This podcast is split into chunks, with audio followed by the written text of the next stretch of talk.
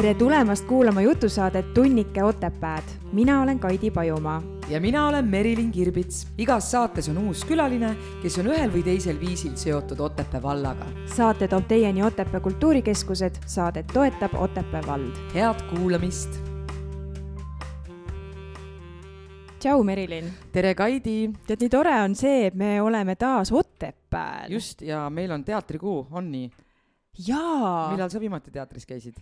Äh,. täna, kui me salvestame, ma lähen teatrisse esietendust vaatama. Mm -hmm. täna, kui me salvestame, sa lähed esi-, aa mm -hmm. Lendteatri. lendteatrisse ja seal ja... esietendub Nuutre, Jaanus Nuutre lavastus avameelselt abielust, et ma lähen äh, toetan omasid ja vaat- üle pika aja jälle teatrisse. kusjuures ja enne seda ma käisin sõbrapäeval sinu improetendust vaatamas mm,. kuidas et... oli? no mina, ma naersin nii kõvasti, et mu kaaslane ütles, et vahepeal ma olin ainuke, kes saalis kõva häälega naeris, aga noh, ma olin niisugune klaasike veini juba ära joonud ja minu meelest oli nii hea, minu arust oli neid naerjaid veel, selles mõttes ma arvan, et sa ei pea üldse muretsema nii-öelda. aga kui äh, Nuutriumi teatrist rääkida, siis mm -hmm. ta mhm. jõuab ikkagi üle Eesti, sellepärast et minul tuleb ju esimesel aprillil Nuutriumi teatris välja. juba? jaa, Kivirähk kirjutas mm, -hmm. Peeter Tammaru lavastab ja siis äh, esimene aprill on sul esikas või? oota, oota, ma kirjutan üles kohe. väikesed saladused. miks ma sellest üldse teadlik ei olnud? kusjuures ma olen näinud seda reklaami küll kogu aeg, kui sul see, kui sa seal uhkes toolis istud oma rohelise kleidiga ja mingid eh, tsitaadid on all. jah, aga selleks ei tulnud me täna kokku, et Sugugi rääkida minu rohelisest kleidist. aga tõesti teatrisõpradele, minge teatrisse või siis, kes ei ole teatrisõber, käi korra aastas teatris ja olgu selleks teatrikuu mm. -hmm. ja kes on kuulanud Ott Kartau saadet, kes ütles, et äh, kui Merilin küsis saate lõpus, et miks peab teatrisse minema, Ott ütles selle peale, et ei peagi, siis mina ütlen, noh, teatrikuul ikka võiks minna, nii et. no absoluutselt, kui sa tahad ikka oma meelt kosutada, oleneb, mida sa vaatad mm, -hmm. eks ole, mida sa nagu teatrilt ootad, me ootame erinevaid asju teatrilt, erinevad inimesed, kes ootab sellist äh, kaasamõtlemist, läbielamist ja kes ootab lihtsalt nalja ja ega see teatrijutt ka ju mul jällegi niisama ei olnud.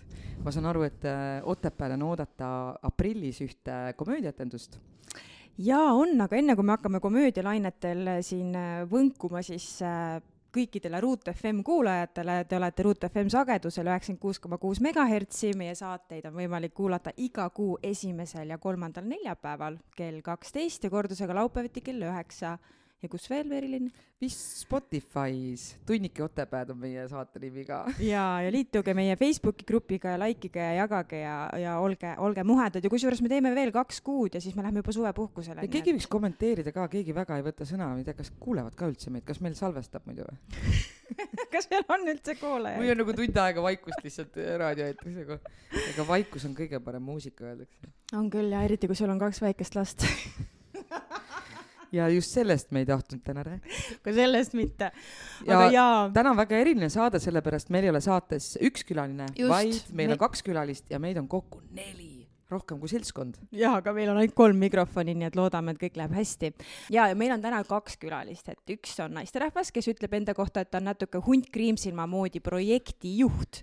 hariduselt peaks ta töötama koolis klassiõpetajana, aga selle asemel veab peaasi.ee tiimis Euroopa kultuuripealinn Tartu kaks tuhat kakskümmend neli põhiprogrammi projekti Peaasi ajab naerma ma nüüd hingan vahepeal, ja on andunud impro ning vaimse tervise vitamiinide fänn ja arvab, et igas päevas peaks olema natuke rohkem mängulisust ja rõõmu. ma siis loe, loen teise äkki ette? jaa, ja tema on Sandra Liiv. see esimene ja teine on Kairi Rebane, kes kirjeldab end järgmiselt. olen mikroettevõtja ja toetan ennekõike ettevõtjaid ning teisi ettevõtlikke inimesi coach'ina eesmärkideni jõudmisel ning digiturundusega siis tegeleb. elan perega Otepääl ja olen suur maal elamise fänn.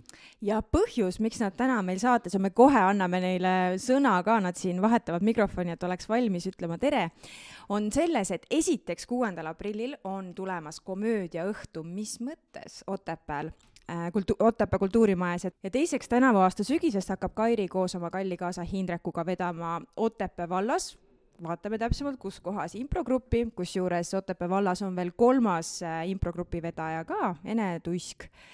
ja kus siis kõik soovijad saavad oma improviseerimise oskused proovile panna ja seeläbi toetada oma vaimset tervist.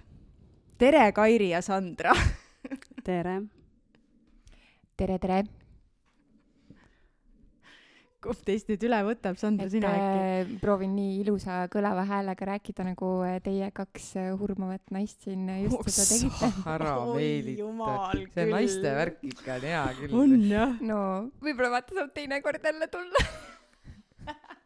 muidugi saab. nii, nii tore.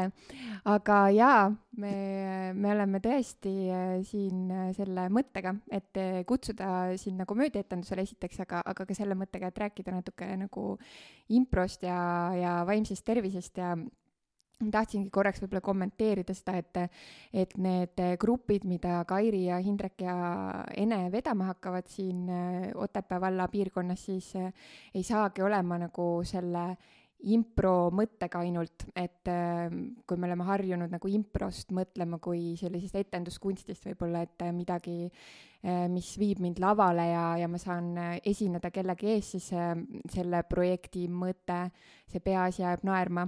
Mõte on pigem ikkagi see, et inimesed saavad tulla kokku ja nad saavad kogeda seda impro positiivset mõju vaimsele tervisele, see ei tähenda seda, et nad lähevad lavale, et nende gruppide eesmärk ei ole nagu treenida ennast äh, impronäitlejateks ja minna, minna ka nagu laval esinema, mis ei tähenda, et nad kunagi võib-olla ei lähe, aga, aga me just proovime nende harrastusgruppidega tuua välja seda nagu positiivset mõju jah, vaimsele tervisele, et siis nendes nagu gruppides saab olema nii, et nad mängivad äh, igasuguseid äh, impromänge äh,, lasevad natukene lahti sellest äh, võib-olla nagu perfektsionismist, mis meil kõigil on nagu pinnuna tagumikus minu arust tänapäeval, ja, ja sellest äh, eksimishirmust ja, ja võib-olla ka sotsiaalsest ärevusest, et äh, kui, kui mul on raske nagu kuskil äh, isegi meeskonna koosolekul kaasa rääkida või sõna võtta, oma nagu ideede eest seista, et, et siis minu arust impro on nagu super tööriist sellega tegelemiseks ja ja, ja oleme liitnud nendele mängudele juurde siis sellise vaimse tervise vestlusringi sinna, sinna grupi nagu lõppu et kui, kui ma nüüd käin seal tunnis, et siis alguses mängin natuke impromänge ja siis lõpus saan vestelda tegelikult selle juhendaja eestvedamisel, et et kuidas see siis mõjutas või kuidas see võiks mõjutada minu ärevust näiteks või, või seda hirmu eksida. et äh, selline oota, Merilin, sina ju igapäevaselt improtad, et kuidas sina tunned, et kas see impro, improga tegelemine kuidagi toetab sinu vaimset tervist? Absoluutselt, ma arvan, et äh, mul on päris palju päevi äh, oma elus, kus ma ei taha hommikul kodust välja minna ja mul on väga raske ka minna, me nimetame impro nagu treeninguteks, mitte proovideks nii-öelda, sest et me treenime tähelepanu, keskendumist ja koostööd. ja kui ma olen ära käinud, siis äh, tahan nagu asju teha, et et, äh, et sellel on nagu reaalne mõju äh,, mingisugune vabastav ja tervendav mõju tegelikult inimesele. et ma, ma ei kujuta ette, kui ma ei oleks sellega seda endale leidnud oma elus, et kus ma oleksin tegelikult praegu endaga, kui see ei toetaks mind nagu minu päevadel, ma ei, ma ei, ma ei kujuta ette selles mõttes. ja tõesti tahan rõhutada seda, et kuna nimi on küll improvisatsiooniline teater, siis tegelikult äh, see ei eelda mitte üheltki inimeselt äh, näitamisoskust et tegelikult see põhiasi, kõik need äh, mängud ja harjutused, et need ongi puhtalt nagu inimese enda mõtete ja füüsilise keha kogu selle eneseväljenduse vabastamiseks ja ja just nende hirmude ületamisest, äh, just me kardame eksida kogu aeg, see on see põhiasi tegelikult, mis, mida, mis, millest see üle aitab nii-öelda. ja meie ise ka teeme seda nii-öelda meeskonna, meeskonnakoolitustena firmadele ja asjadele, et seda grupitunnetust äh, rohkem tekitada, just seda, et inimene julgeb olla see, kes ta on. et me ei häbene enda mõtteid, me ei häbene enda tundeid ja me, sa pead improteatris mängudes arvestama kõigiga võrdselt, seal pole vahet nagu, oled sa juht või oled sa nagu, ma ei tea, kõige madalamal astmel, seal pole vahet, et kõik peavad selles mängus selles hetkes olema võrdsed nii-öelda ja see on lahe, et, et see on reaalselt äh, leitud nii-öelda ja seotud selle vaimse tervisega, sest tegelikult see nii ka on. ja et pärast on see vestlusring nagu, see on väga äge et.... aga see on super, aga teeme siinkohal väikse pausi.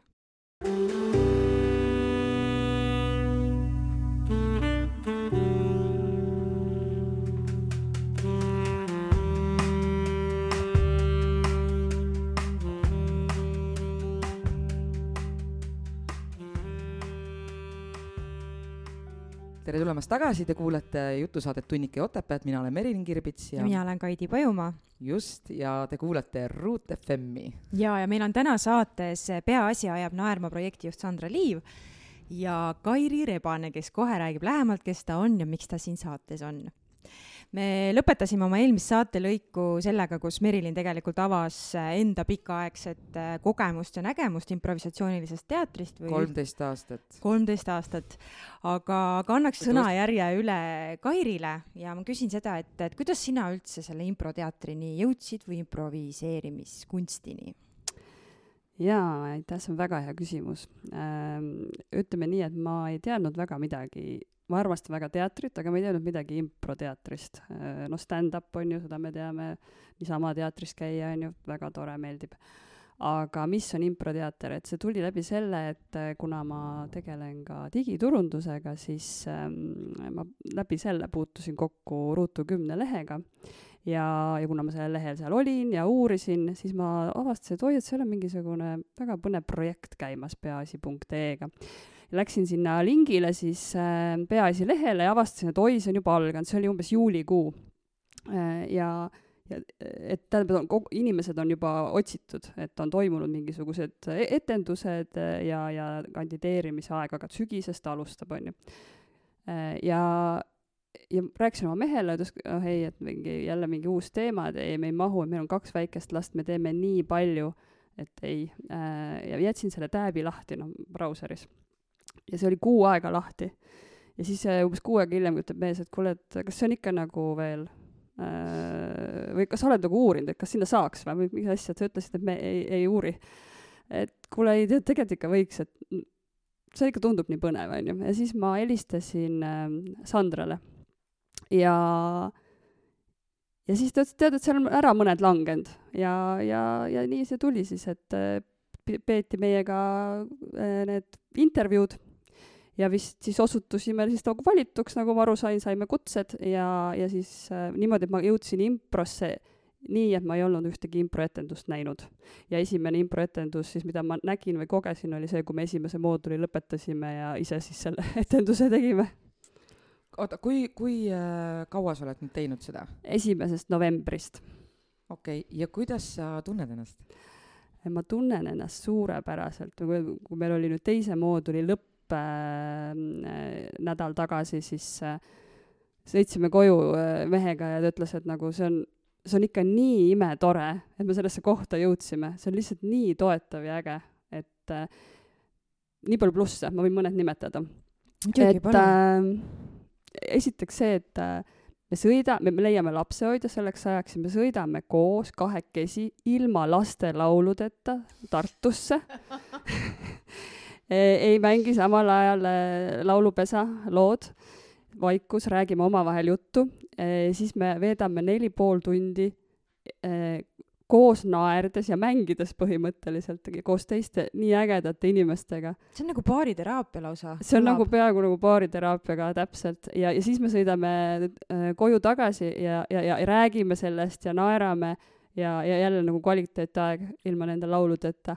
et see on lihtsalt nii äge ja siis veel päris pikalt tekib see, et õhtul õhtul, kui nagu uni ei tule voodis, on ju, liiga pikk päev ja palju arvutit olnud või töö siis ma mõtlen vahepeal nendele etendustele või nendele kohtumistele, see ajab mind alati naerma ja see alati kuidagi võtab see pinge maha ja isegi seal on sellel magama jäämisel on sellel mõju. aga oled sa mõelnud või hiljem äh, Hindrekuga arutanud ka, et mis, äh, mis nagu pani teda ümber otsustama ja miks tal võttis kuu aega aega?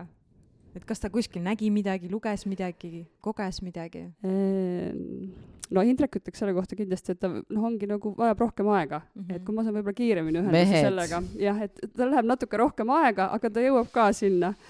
Et, et ikkagi midagi tedest puudutas ja kõnetas. Ja ka mingi väike soov ja unistus, et võib-olla kunagi võiks olla nagu teha ka mingit etendust või kuidagi tah-, rahvateatris osaleda. Ja ma arvan, mul oli ka kuskil sügaval see tunne, et ma kunagi tahaksin äh, mingis rahvateatris äh, mängida.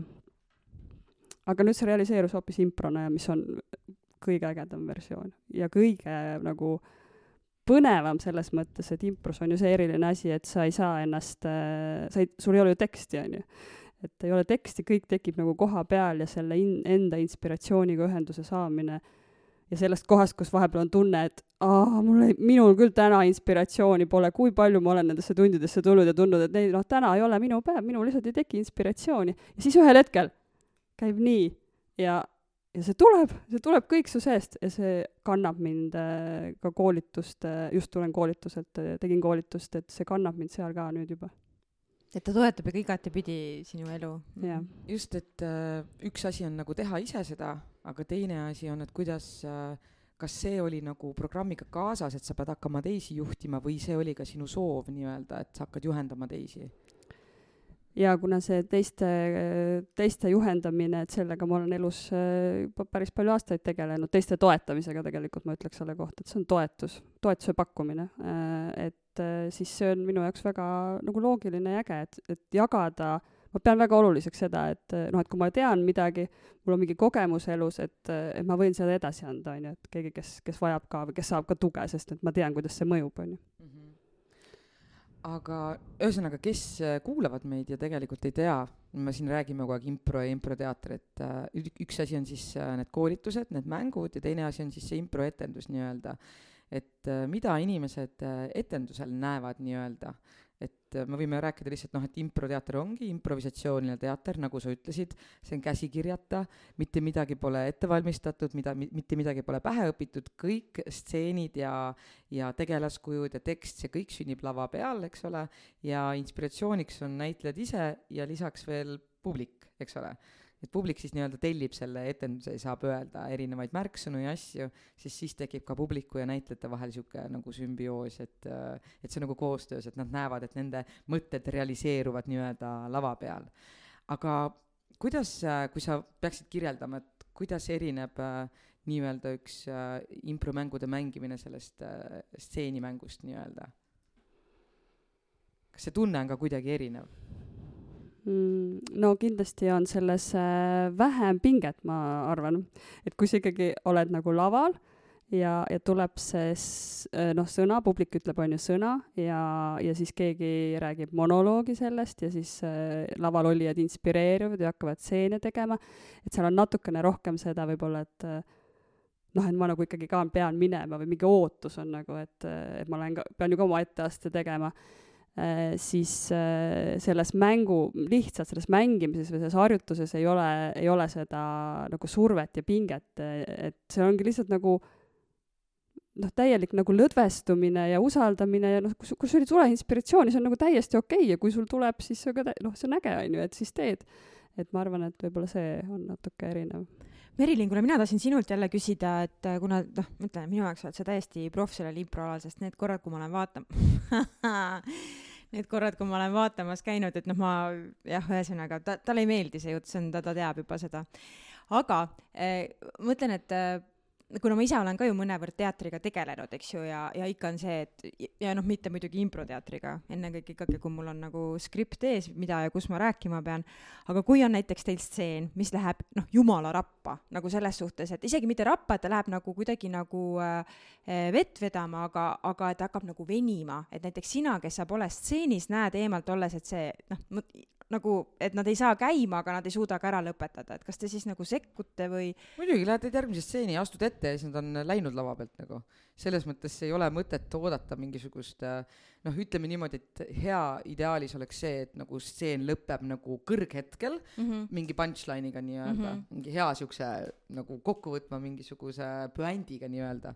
ja vahest on see, kurat, see puänti pole veel tulnud nagu, siis venitad, ikka ei tule, ikka tegelikult lihtsalt lõpeta ära ja mm -hmm. nagu Mhm. keegi ei mäletagi seda, sest et sa noh, see on nagu impro, see on jumala okei okay ka, vaata, mina tihtipeale kasutan laval ka seda, et ma lihtsalt nagu kommenteerin näitlejana seda, mida ma praegu mängin. see on nii avatud vorm, me ei pea keegi nagu varjama seda, et nagu noh, ma ei mäleta, mis su nimi on või ma ei saa aru, keda sa mängid, siis noh, see on isegi tore, et see publikul tekib ka see nagu täielik vabadus, sest muidu on ka teatris noh, kui ma lähen klassikalist teatrit vaatama, mul tekib see pinge vaata ka, et kas neil tuleb välja, kas neil on mm -hmm. Mhm. nagu tekst peas, nagu impros on suva.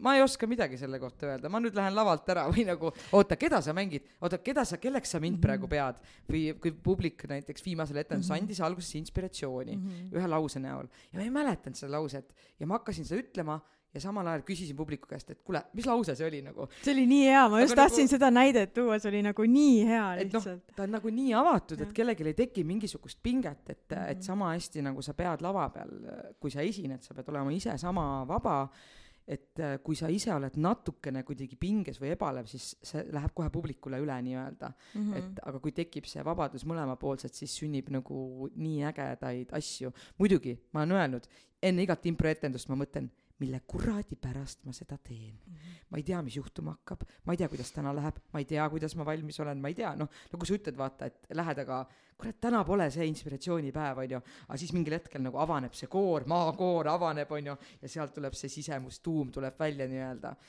et äh, lihtsalt lõpeta ära ja noh, sinu vastus nagu lõpeta ära ja mine nagu uue asjaga edasi. see ongi võib-olla, see ongi jah, et see ongi võib-olla selle impro võlu nagu, et, et kui sa mängid klassikalist teatrit, kus sul on siis nii-öelda enda ja publiku vahel see neljas sein ja sa noh, peadki mängima selliselt, et kõik on nagu kuidagi, sa elad nagu seda lavaelu, eks ju, siis impro on see, et sa elad enda elu ikka edasi, et miks mulle nagu väga meeldib Merilini mäng sellepärast et ta ongi täpselt selline laval edasi, nagu ta on igapäevaselt. et vaata, kui sa vaatad, käid ainult klassikalist teatrit vaatamas, siis sa näed seda näitlejat ainult läbi selle, millist rolli ta mängib, et sul puudub ettekujutus, milline see inimene inimesena on ja, ja alati on nagu, noh, me oleme Meriliga rääkinud ka sellepärast, sellest, et, et kuidagi, et tänapäeval võib-olla ei ole näitlejatel enam ümber nii palju seda saladuste loori, et noh, kõik on nagu nii avalik no,. ajalehest loed, mida näitlejad, mis aluspüksi nad kannavad ja mida nad hommikuks söövad, onju. aga et noh, ongi, keda see häirib või ei häiri, mulle nagu meeldib see, sellepärast et mul on tunne nagu, et see lähendab inimesi, et ei ole seda seina nagu vahel ja noh, impro ongi selles suhtes nagu minu meelest äge. no siis see vorm lihtsalt sobib sulle rohkem, et tegelikult, kui sa nagu klassikalises teatris kaotad ära selle neljanda seina, siis tegelikult kaob ära teatrimaagia nii-öelda mm. -hmm. ja, ja aga äh, Sandra, ole hea, kuuendal aprillil Otepää kultuurimajas on siis äh, sellel kevadel nüüd äh, nii-öelda esietendus, on ju, mis puudutab komöödiaõhtut, et äkki sa räägid äkki sa räägid lähemalt, mis see õhtu endast kujutab, millised need etapid on, mis te teete seal, kes seal on? Kuidas ja. sinna saab? kuidas sinna saab? mis see maksab, kas see maksab? jaa, see maksab. kes maksab? kes maksab? sina maksad mitte siis sina, aga sina, kes sa kuulad aga eh, see, ma soovitan eelmüügist eh, piletid ära osta, siis on natuke soodsam, et on eh, kümme eurot ja, ja koha pealt, koha pealt saab viieteistkümnega. nii et äh, et äh, tulge kohale ja muidugi, kui tahate suure grupiga tulla, siis kirjutage mulle ja võib-olla saame teha nagu tšiks-tšiks natuke nagu soodsamalt veel. ja sandra.peaasi.ee. jah, näiteks. aga, aga mida saab näha, äh, saabki tegelikult äh, näha Ruutu kümne näitlejaid siis impro, improviseerijaid tegelikult, nad tavaelus ei ole näitlejad, nad on äh, igasugused muud tegelased, IT-mehed ja, ja ma ei teagi, mis nad seal kõike teinud on, aga, aga nemad professionaalid ei ole siis nagu nagu Merilin näiteks on, on ju. kuigi seal on selles mõttes äh, vahe sees, lihtsalt jäta meelde, kuhu sa oma mõttega pooleli jäid mm, -hmm. et äh, Nad kindlasti improteatris vist ei saagi öelda professionaalid või mitteprofessionaalid, sest üle maailma tegelikult äh, ei tegele nii-öelda, see ei ole ainult niisugune näitlejate või teatriinimeste äh, nagu žanr või vorm, et sellega tegelevad, tegelevadki kõik inimesed üle maailma. Mm, meie lihtsalt erineme sellest, äh, et me oleme lihtsalt õppinud ka näitlejad ja me sattusime sellel hetkel kokku. Äh, lõpetama, kui meie juurde tuli üks inimene, kes siis pakkus selle impro välja nii-öelda. oh kuule, aga siis ma võiks ju saada jumala heaks improtajaks, siis seal ei ole, seal ei ole mul seda valu, et fuck me, oih, et minust ei saanud äh, näitlejat. jaa, täiega. absoluutselt, see tekitab sul selle vabaduse, et ja. sa nagu kindlasti, absoluutselt no,. tegelikult mul ei ole enam nii palju ah, edevust. tegelikult on, äh, tegelikult on õige jaa, et võib küll öelda, et nad on nagu profid impronäitlejad siis või improtajad on ju, et äh, nemad astuvad lavale mm, ja teevad äh, siis täpselt nii, nagu sa ütlesid, et, et äh, küsivad publiku käest inspiratsioonisõna ja siis hakkavad selle inspiratsioonisõnaga nagu mängima, et äh, me ei tea, mis sealt välja tuleb, võib-olla sealt tuleb väga nagu mingi selle kohaliku kogukonna mingi huumor või noh, me ei tea, et ma ei oska, ma ei oska öelda, mis seal toimuma saab, aga kindlasti nalja saab, saab, seda saab, me, seda, seda me teame, et kui inimesed te tahate naerda, siis mhm. tõesti mm, tulge sellel õhtul välja. Sest mina käisin eelmine aasta, kui Nõos oli täpselt seesama kontseptsioon, samasugune komöödiaõhtu ja no noh, ma ainult naersin, ma ütlen, et võib-olla mulle lihtsalt sobib see impro, impro kui teatristiil.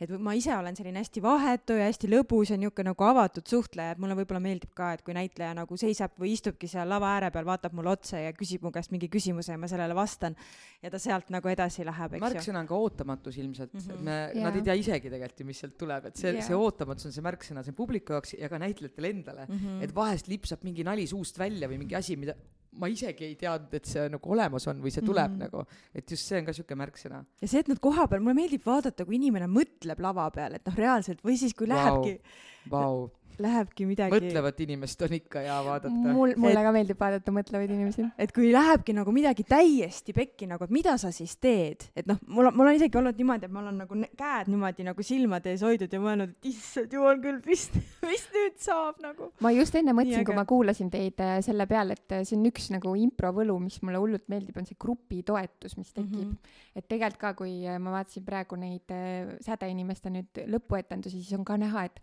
et need, kes on seal ääre peal seisavad ja kui nad näevad, et see nali nagu no ei lähe praegu vaata ja, ja sa näed neil seda pinget, et ah, mida ma teen, mida ma teen, millega ma praegu lähen ja siis, et nad üritavad nagu toetada üksteist ja kuidagi nagu tõsta seda tempot või tõsta seda, tuua mingit uut nalja sisse või uut mingisugust äh, tegevuskohta paika, mis iganes, et et äh, see on nii võimas minu arust nagu sihuke ühendav äh, kogemus, see impro, impro tegemine, nii et jaa, see, ma kujutan ette, publikus ka on jah tore vaadata, et kuidas nad siis nagu välja ujuvad sellest praegu, et on vist nagu keeruline õhtu, aga nad alati ikkagi on ju, toovad kohale lõpuks selle nalja. no kogu nauding minu arust improteatris ongi see, et äh, kuidas näitleja tuleb olukorrast välja. see on nagu, või inimene selles mõttes, see on nagu kogu selle asja nii-öelda sisu.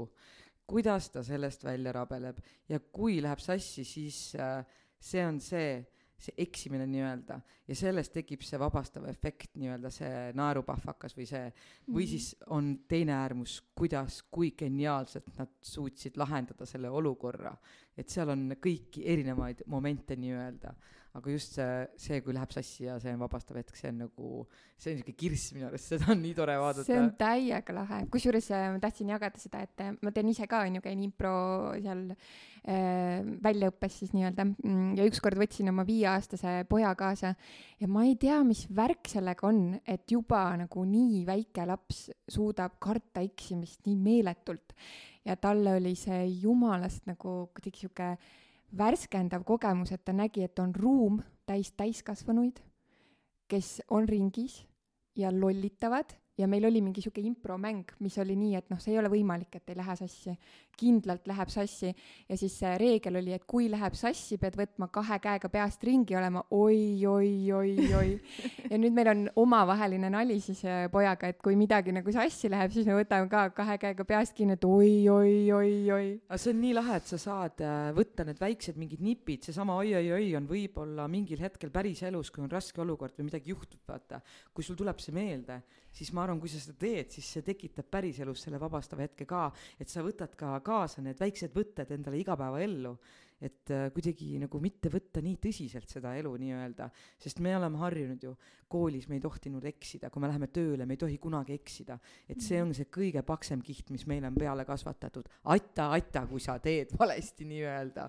jaa, kusjuures ma hästi pean nõustuma sellega, sellepärast et ma just äh, eile käisin oma lapse arenguvestlusel koolis ja ja ta ütles, noh, kiideti ja kõik oli juba super, super, super, eks ju, noh, mida ma nagu näen kodust ka, et ta ongi nagu mega tubli, aga ainuke asi, mis ta ütles, on see, et, et kui ta ei saa nagu kohe aru, mida ta on tegelikult harjunud nagu kohe aru saama, siis ta hakkab nutma, sellepärast et ta ei saa aru, kuidas on võimalik, et ta ei saa aru, et kui teised said aru, et kuidas mina siis ei saa. Ja teinekord, kui ta nagu millegagi nagu eksib või ma ei tea, kuskilt läheb joon natukene üle või et ta noh, et ühesõnaga, kui, kui kõik ei ole kogu aeg maksimaalselt täiuslik, siis ta läheb endast nii välja. ja siis ma nagu mõistsin, et see on see koht, kus ma peaks peeglisse vaatama, sest ma ise olen samasugune, et kui mul kohe esimesel korral ei õnnestu, noh, ma lähen endast välja, et kogu aeg selline tohutu nihuke, et noh, noh, täiesti niisugune nagu täiuslikkuse või persfek-, persfe-, perfektsionismi nagu tagaajamine ja seda on muidugi väga kurb kuulda, et ma olen seda oma lapsele suutnud üle anda või see on geneetiline või ta on õpitud käitumine või mis iganes. aga kindlasti impro on see, mis seda mul on ka vabastab. tunne, et ta peab äh, improringiga liituma, et Mul on ne- tunne, vaba-, kabastada. Kaidi kindlasti, Kaidi loeb, kui ta peaks iga päev hommikust õhtuni üks improring olema. aga ma vaatasin, et Kairi võttis üle, kas sa tahad seda kommenteerida või ma võin edasi küsida? Äh, ma tahtsin sellest perfektsionismi kommenteerida. et tegelikult kui ma seda äh, kuulutust nägin üldsegi äh, suvel siis, et selline äge ettevõtmine ja koolituste sari tuleb, siis mis mind kõnetas selles üleskutses, oligi ikkagi see perfektsionismi ravi, sest noh, see on nagu haigus, mille all kannatan ka mina ja väga-väga paljud on ju kannatavad täpselt samast koolisüsteemist juba alg-, alguse saanud ja, ja no ma näen nii, ütleme siis nende kuude jooksul äh, nii positiivset mõju sellele, nagu, nagu see on põhimõtteliselt nagu noh, nii-öelda nagu see tablett on see impro perfektsionismile mm. -hmm. et täpselt see võtta nagu lõdvemalt on ju, et ma mäletan ka seda, on mitu korda olnud, kus nagu meil on selline päris keerukas harjutus alguses, mis me teeme ja kui sa korra nagu hilined sinna, siis sa nagu enam ei saa väga mitte midagi aru, millesse sa tõmmatud oled. Eh, mi- mitte, et impros oleks eh, nagu keerukad asjad, aga, aga eh, see lihtsalt on selline. Ja, ja siis ma mäletan seda tunnet, et ma ei saa aru, noh, kohe nagu tuleb üles see, et ma ei saa aru ja ma ei oska ja, ja tuleb juba see enesesüüdistus, on ju, ja, ja siis avastada seda, et kui sa lased lahti, et nagu pff, see on lihtsalt mäng nagu, järgmine hetk me hakkame kohe teist mängu mängima ja ma saan ju aru ja see on jumala äge, et, et seda, sest tegelikult ongi, et me ju noh, need on nagu sellised väiksed mikromaailmad, et me me mängime ühte rolli ühes kohas, aga siis me saame võtta parimad palad ja, ja lähen ja teen seda, on ju, oma mingi perega, lastega, on ju, et needsamad kohad või, või tööasjadega, et ma lasen lahti sellest perfektsionismist. Seda on jah naljakas vaadata, kui äh, inimesed äh, püüavad nii tõsiselt neid mänge ka võtta nii-öelda. noh, nagu ma pean olema ka nendes mängudes täiuslik, onju.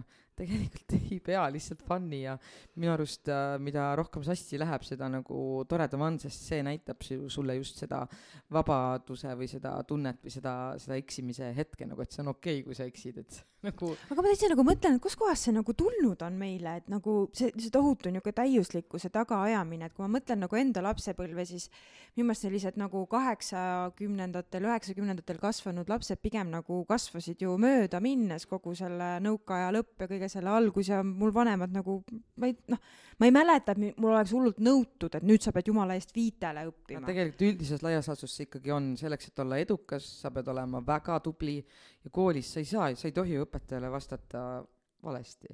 Mm. ja kui sa lähed tööle, ega see, ega see kooli, kooli nii-öelda struktuur, see äh, konkurents, see kõik, see kadedus, mis inimeste vahel on, see kõik jätkub tegelikult äh, tulevikus äh, Mm. äh, töö juures, ükskõik millisesse kollektiivis sa käid, isegi kui sa käid mingisuguses ringis nagu, mis sa arvad, et osad ei tule improsse alguses, ma arvan, ja ei taha olla teistest paremad. et nagu see on ju põhi, noh, et olla kuidagi teistest paremad. Mhm. aga kuna sa pead olema seal võrdne, sa pead teistega arvestama, sa ei saa nagu minna, liikuda ka teistest ettepoole, sellepärast et see ei ole lihtsalt võimalik nii-öelda. sa pead liikuma ainult koos ja äh, nagu meeskonnaga edasi nii-öelda, siis sa ei saa noh, sa ei saa nagu erineda selles mõttes nagu mm, Mhm. -hmm. isegi kui sa nagu väga tahad. Mhm. aga selle etenduse mõte siin Otepääl on praegu tegelikult äh, näidata inimestele, millest nad saaksid tulevikus osa saada, ehk mm, hakkavad regulaarselt toimuma Otepää vallas, veel täpselt ei tea täpselt, mis kohas, improvisatsiooniliste nagu teatrimängude äh, tunnid nii-öelda või ringid nii-öelda, saan Mhm. ma õigesti aru? jaa, just. Ja millal need äh, ringid muidu algavad? Need äh, algavad juba selle aasta sügisest, nii et äh, see on, see on meil äh, siis Euroopa kultuuripealinn Tartu kaks tuhat kakskümmend neli raames selline äh, suurejooneline projekt äh, ellu kutsutud, et, et natukene, natukene teisiti läheneda sellele vaimse tervise teemale. ja seal on, ma arvan, mitu põhjust, et ähm, et esiteks, sest noh, peaasi.ee ikkagi seisab, on ju vaimse tervise teemade edendamise eest, aga et et esiteks, et vaimse tervise teemadega, et kui me mõtleme nagu nende peale, siis tihti meil nagu seostub mingi raskus, et see on nagu, mul on raske. aga, aga tegelikult, kas see peab nii olema? et äh, tegelikult me tahaks ju jõuda selleni, et inimesed saavad aru, et et mul on nii füüsiline tervis kui ka vaimne tervis ja see, et ma hoolitseksin oma vaimse tervise eest, ei pea tähendama seda, et ma hakkan ennast aitama siis või otsima abi siis, kui mul on juba väga halb olla, eh, vaid et ma saan iga päev iseenda hoidmiseks midagi teha, on ju, et et kui ma lähen täna nagu, või Kaidi näiteks, on ju, käib iga siin nädalas mitu korda trennis, et ta ei tee seda mitte ainult füüsilise tervise jaoks, vaid nagu suuresti ju oma vaimse tervise toetamiseks. et natukene nagu Eh, tuua inimestele seda vaimse tervise teemat teise nagu teise roana võib-olla et mm, -hmm. et see on nagu, see võib olla lõbus ja kerge ka ja, ja, ja me võime läheneda täiesti teise nurga alt.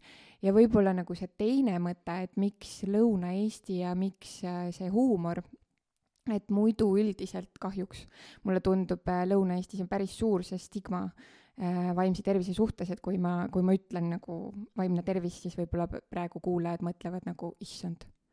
Mul ei ole vaimset tervist. mul ei ole seda. kas see on hulludele või? sul on, sul on mingi diagnoos või? jah, just. haige oled või? jah, just. hull, hull vot seda ma kardan, et nad mõtlevadki ja, ja et seda stigmat natuke murda, et mm, -hmm. et siis me proovime, et aga mis oleks, kui me räägime nagu üldsegi huumorist ja selle mõjust äh, iseendale, sest äh, et samamoodi nagu on see stigma siin Lõuna-Eestis, mida me murrame praegu, on, mulle tundub ka lõunaeestlastele hästi omane ikkagi sihuke hea huumor mm -hmm. ja, ja see võiks olla üks sihuke hea viis, kuidas, kuidas nagu ühendada need kaks teemat ja võib-olla tuua see vaimne tervis natuke natukene lähemale, et tegelikult on nagu okei okay.. Äh. ja no selle huumoriga peab nõustuma ju neli äh, Lõuna-Eesti naist siin ühes stuudios, ega meil igav ei ole ja teine asi minu meelest see ongi just see, et täpselt nagu sa käid iga päev pesemas ja käid trennis ja ja ma ei tea, mis iganes, toitud hästi ja suhtled sõpradega, et see on nagu justkui füüsilise tervise hügieen on ju, siis miks mitte nagu hoolitseda ka oma vaimse tervise eest, et kahju jah, et nagu on see, et nii kui sa tood kuskil välja sõna vaimne tervis, siis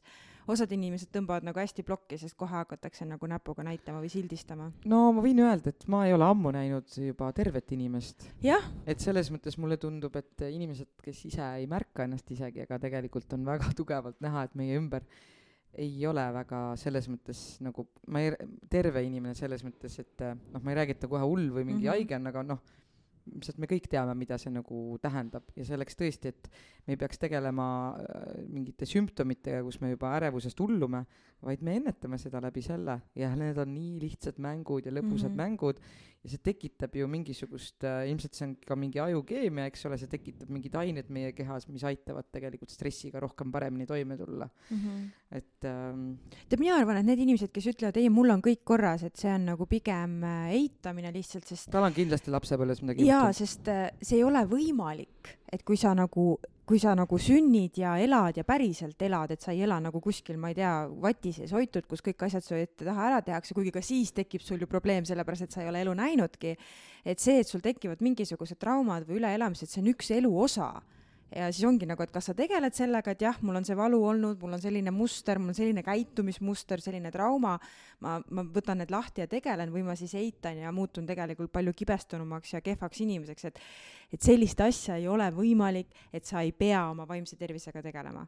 minu meelest on see nagu, nagu nii radikaalne jaa, ma olen täiesti nõus, et äh, serotoniini toodab aju, on ju, siis kui äh,, kui ta, kui sul on nagu rõb-, rõbus mm, -hmm. tore, on ju, see on serotoniin, mis äh, tekib. kui sa oled depressioonis, siis serotoniini ei teki, on ju, ja, ja, ja mis juhtub, kui ei ole serotoniini, et kaob loovus ära ja tihtipeale ongi see, et äh, me siis ei jõuagi nendesse äh, kuskile nende abivahendite juurde või juba, kui on äh, liiga äärmuslikult asi, kui me ei, ennem ei ole teada, mida ma siis peaks tegema, kui ma üldse jõuan sinna kohta. et see ongi ennetustöö, sellepärast et mina tegin ka, kui mul oli, lapsed olid, noh, nad on praegu ka väiksed, aga, aga veel väiksemad, siis mul oli ka hästi raske koht ja ma sain ühe soovituse, et kuna sul loovus ei tööta, kui sul oled madalseisus, siis tee omale nimekiri asjadest et sul tuleks meelde, et sa võtad selle paberi, kas või seal seina peal, et kui sa oled seal raskes kohas, et mis mind aitab, et ma, ma ei tea, helistan sõbrale, on ju, räägin, sest ma tean, et noh, siis tahaks sulguda, siis ei taha rääkida, kui on paha, on ju. et vot just, ma tean, et ma hakkan rääkima, ma pean kellegagi rääkima. või siis ma tegin listi äh, väga ägedatest motiveerivatest äh, Youtube'i videotest, mis mulle meeldib, aga sel hetkel, kui mul on raske ja paha, ei tule nendest mm -hmm. mitte mhm. midagi meelde mm. -hmm. ja, ja sellepärast on oluline, nii nagu sa trennis, et ega see muskel ei, ei, ei kasva sellest, et sa vaatad kodus sporti tugi, tugitoolis, on ju, et samamoodi see vaimne tervis, et sellega tuleb igapäevaselt äh, tegeleda või siis vähemalt korra nädalas, on ju, et mm -hmm. lähed, teed improt ja, ja naerad ja, ja, ja sa oled juba teinud midagi oma vaimse tervise lihase jaoks. teeme siinkohal ühe väikse pausi.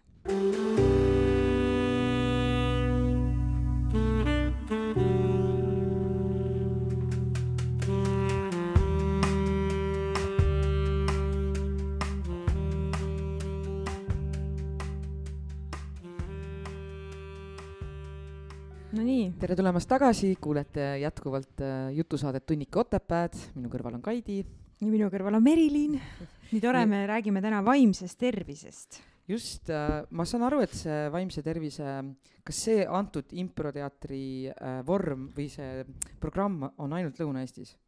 jah, see on, see on Lõuna-Eesti kogukondades nüüd, jah ja.. aga kuidas see valiti niimoodi välja, et see on ainult Lõuna-Eestis?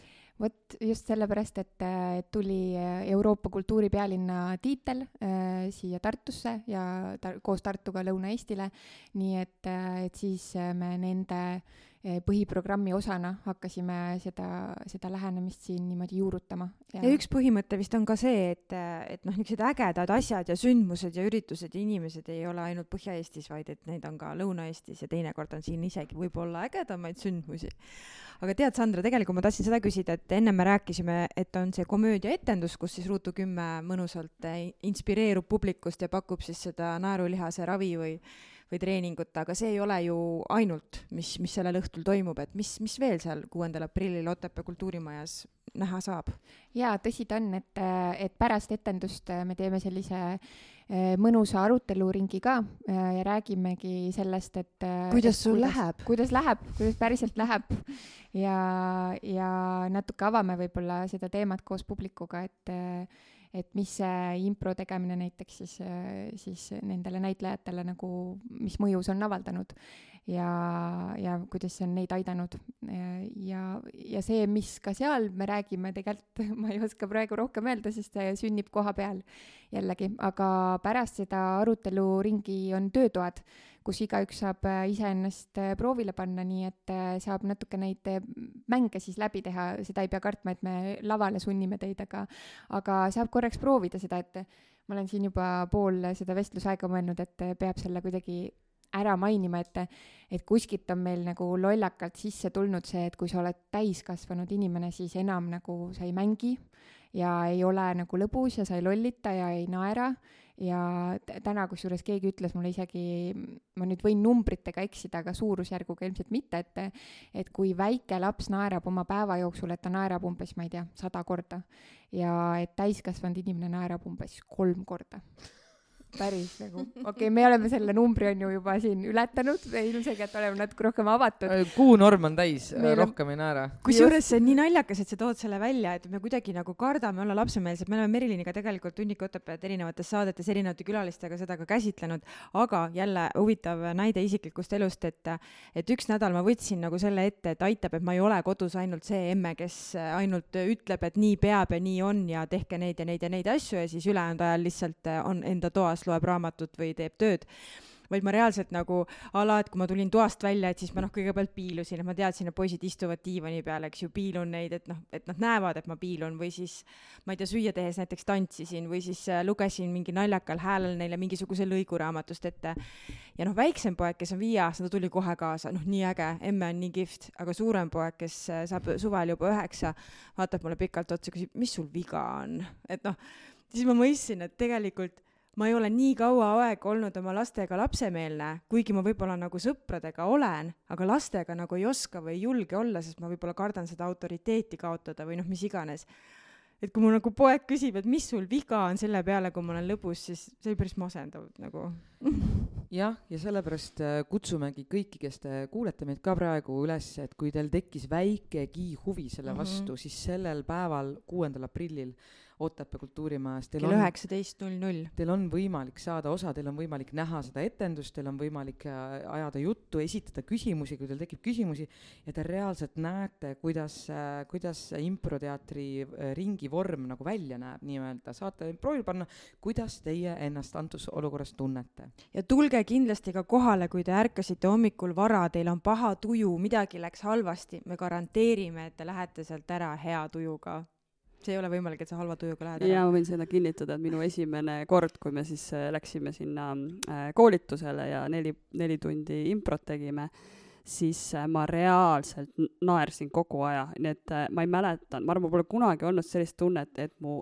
nagu näoliha, liha, saad teadlikuks oma näolihastest, et mu näolihased lihtsalt valutasid õhtuks noh, nii ma sõitsin autoga, lihtsalt mul kõik valutas, noh ja samamoodi Hindrekul, et see oli lihtsalt täiesti harukordne lugu. Ja, ja, ja ma võin kinnitada, et lastega samamoodi täpselt, et sama, mis sa jagasid, et mm, -hmm. et see on nii palju nagu toonud sellist loovust ja mängu meie perre, et äh, me küll enne juba noh, paneme hommikuti muusikat ja tantsime mm -hmm. ja lapsed kahene, neljane väga fännavad seda, aga noh, see on kuidagi nagu veel võimendunud, et äh, teha neid äh, see äh, ei olnud veel kahenegi, kui ta tegi tänku-tänku, äh, üht jänku-jänku harjutust, äh, mu tütar, et, et, et ka lapsed inspireeruvad improst. et sa said väga hästi nagu aru sellest, et kui lihtne on nagu minna sellesse niisugune range vanema rolli ja kui raske on tegelikult liikuda tagasi sellesse pehmesse ja ägedasse olemisse, ma ei saa aru, miks see tuleb. ja kui kerge tegelikult on minna, kui sa seda teadlikult teed, aga ja. see nagu see automaatika on meil minna sinna raskusesse vist, et mm. -hmm. ja see tegelikult on seotud äh, kõik sellega, Kairi, mis sa enne mainisid, ehk äh, meie loovusega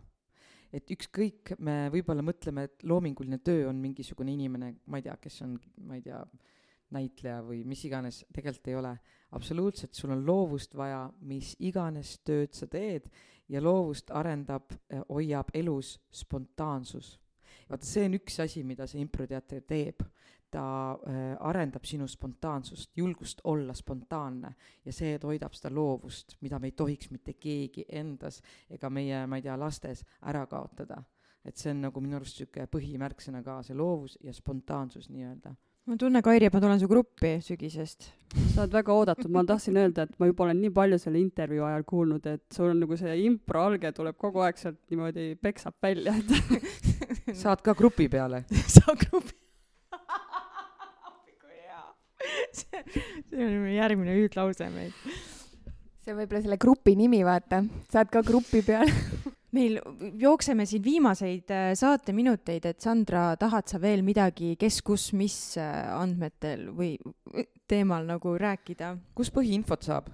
jaa, tulge otsige põhiinfot äh, peaasi.ee Äh, ja seal on siis Peaasi jääb naerma selline alaleht, leiate selle ülesse ja, ja sealt äh, saate siis muuhulgas piiluda ka muud vaimset tervist puudutavat infot, et võite siis teha näo, et ainult seda huumori osa vaatate, aga, aga salaja võite ju lugeda ka muude asjade kohta. et tegelikult te teete ikka päris tööd ka, onju? ja me tegelikult teeme jah. ja kui me siin juba. mõned meist, mina teen ainult seda nagu huumorit, onju ja kui me siin juba vaimsest tervisest räägime, siis äh, jälgi peaasi.ee-d ka Instagramis, me nimelt äh, jagame seal vaimse tervise või Lõuna-Eesti inimeste vaimse tervise lugusid, äh, kus inimesed räägivadki päris ausalt ja enda nime ja näoga, mis ajas neid viimati naerma, mis ajas neid viimati nutma, mis nende jaoks üldse vaimne tervis on. et kaks korda kuus need lood üles lähevad, ka Merilini lugu on seal üleval, Sandra lugu on seal juba üleval, varsti tuleb võib-olla minu lugu ma tean, et see nädal äh, jagati äh, Sandra Vabarna lugu ja kui sul endal tekib selline tunne, et äh, nii äge, ma tahan ka oma lugu jagada ja kuuluda sellesse kogukonda, kes julgevad vaimsest tervisest rääkida, siis äh, ka see info on kõik Peaasi ajab naerma lehel olemas. pluss äh, ma kuulasin üks päev ra- äh,, Spotify, ei äh,, nagu jutt podcast'i mm -hmm. Peaasil, teil on ju podcast'i mingisugused yeah, sarjad on, ka. meil on Pearaadio, jah. just, et äh, kui te ei viitsi lugeda, siis äh, pange peale ja kuulake, me kuulasin oma elukaaslasega ühte ja me kuulame, see oli ATH-st rääkis, ja me kuulame ja vaatame kogu aeg teineteisele otsa, me peame selle testi tegema. et nagu see lihtsalt nii palju äratundmist oli selles, ükskõik mis see tulemus on, aga lihtsalt kuidagi see ärgitas minu meeli äh, endaga rohkem tegelema või uurima selles mõttes, et ma tundsin, et mul on võimalik reaalselt saada vastuseid antud minu nagu igapäevastele muredele, mis mul vaimse tervisega on nii-öelda, nii et võib-olla isegi see, kui sa kuuled kedagi rääkimas samu asju, siis see kindlasti aitab, motiveerib sind äh, ja julg-, julgustab sind nagu astuma välja toast nii-öelda. ja ma tahan siinkohal veel seda ka öelda, et kui sa nüüd kuulasid seda saadet ja mõtled, et oo, et tahaks küll naerda, aga ma ei julge tulla, et äkki vaadatakse, et kui ma nüüd sinna saali astun, et minul on midagi vaimse tervisega katki, siis äh, keegi sind niimoodi vaatama ei hakka et äh, sa võid ka tulla lihtsalt ja olla seal etendusel ja peale etendust äh, ära minna, kui sa ei taha seal arutelus osaleda või ei taha sinna nagu õpitubadesse minna, et noh, hästi nagu selline vaba liikumine. Just, terved inimesed on ka oodatud. jah jaa, just tahtsin öelda, et vaimse tervise muredega puutub, puutub kokku nagu iga teine inimene ainult, nii et noh, siit ruumist ka, et siis et paariks loe. see ei ole tõesti nagu, see on, see on tore, et see on sellega seostatud, aga isegi nagu, kui me tunneme, et meil on kõik hästi ja kui sa tahad veel paremini ennast tunda, et siis see on tõesti mõeldud kõigile inimestele.